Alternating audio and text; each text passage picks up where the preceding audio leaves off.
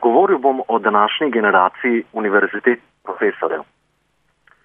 Univerzo si še vedno radi nekoliko sanjavo predstavljamo kot skupnost profesorjev in študentov, kot avtonomno skupnost, katere osnovni nalogi sta izobraževanje in raziskovanje.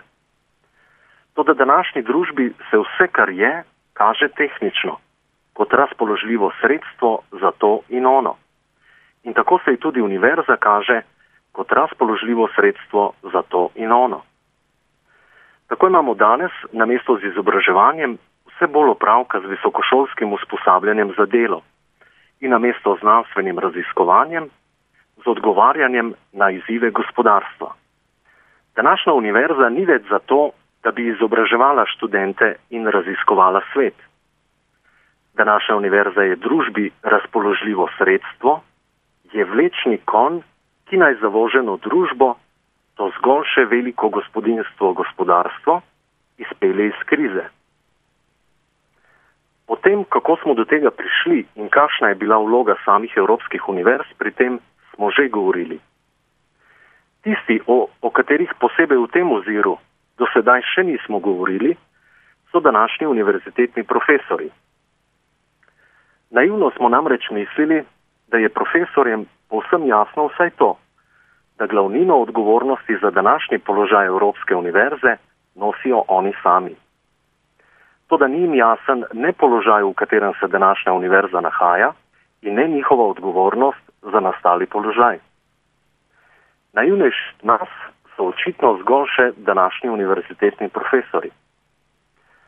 To, da ni problem v njihovi naivnosti, ki bi jim jo zlahka oprostili. Tisto, kar pa jim kot študenti ne moremo oprostiti, je to, da za problematični položaj današnje univerze, kot ga oni sami vidijo, še najpogosteje krivijo današnje študente. Ko se vam bodo zaupali današnji profesori, vam bodo rekli nekako takole. Veste, študenti so problem današnje univerze. Prihajajo od vse posod, vsak bi danes rad študiral. Nezainteresirani so za resen študij. Še več, nezmožni so dosegati visoko kakovostne učne cilje. Zanima jih zgolj papir, so preračunljivi in neresni to sploh niso več študenti. Tako nekako vam bodo govorili, če se vam bodo zaupali. A na to bi jim že osnovnošolski učenec odgovoril, kakršen učitelj, takšen učenec.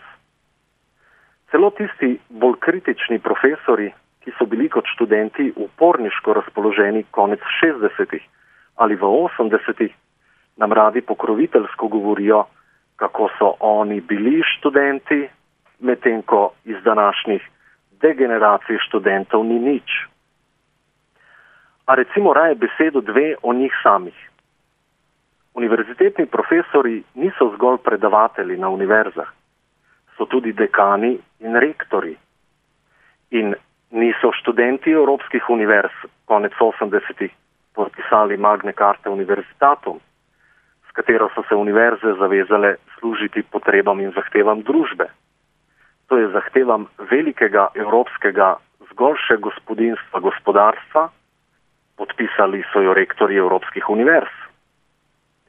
In univerzitetni profesori niso zgolj predavateli, dekani in rektori, ampak so občasno radi tudi ministri evropskih vlad, še najraje ministri za visoko šolstvo.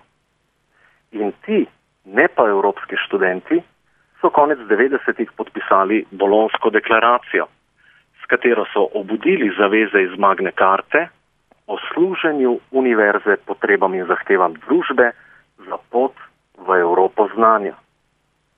Toda, spoštovani univerzitetni profesori, Evropa znanja ni enostavno Evropa polna znanja. Evropa znanja je nova gospodarska usmeritev Evrope, ki potrebuje in zahteva neposredno instrumentalizacijo univerze. Evropa znanja je gospodarska usmeritev, ki izobraževanje in raziskovanje ne zadoščata. To je usmeritev, ki zahteva visokošolsko usposabljanje delovne sile in pohlevno odgovarjanje gospodarskemu izzivanju. Če se vam takšna artikulacija zdi pretirano črnogleda, si pogledajte, bolonski študentje, kako vas univerzitetni karjerni center prodaja na trgu delovne sile. Pohlevno univerzitetno odgovarjanje gospodarskemu izzivanju po ceneni visokošolsko usposobljeni delovni sili se glasi takole, citiram. Ker šele začenjajo, ne bodo upravičeni do take plače, kot jo imajo njihovi starejši kolegi. So zagnani, pripravljeni so se učiti, njihova storilnost je enaka ali morda celo večja kot pri starejših kolegih. A plačate jih lahko manj. Je tukaj kaj, kar vam ne bi moglo biti všeč? Konec citata. Na to lahko odgovorimo le, pazite se, bolonski študenti, že na univerzi postajate blago, ki se poceni prodaja.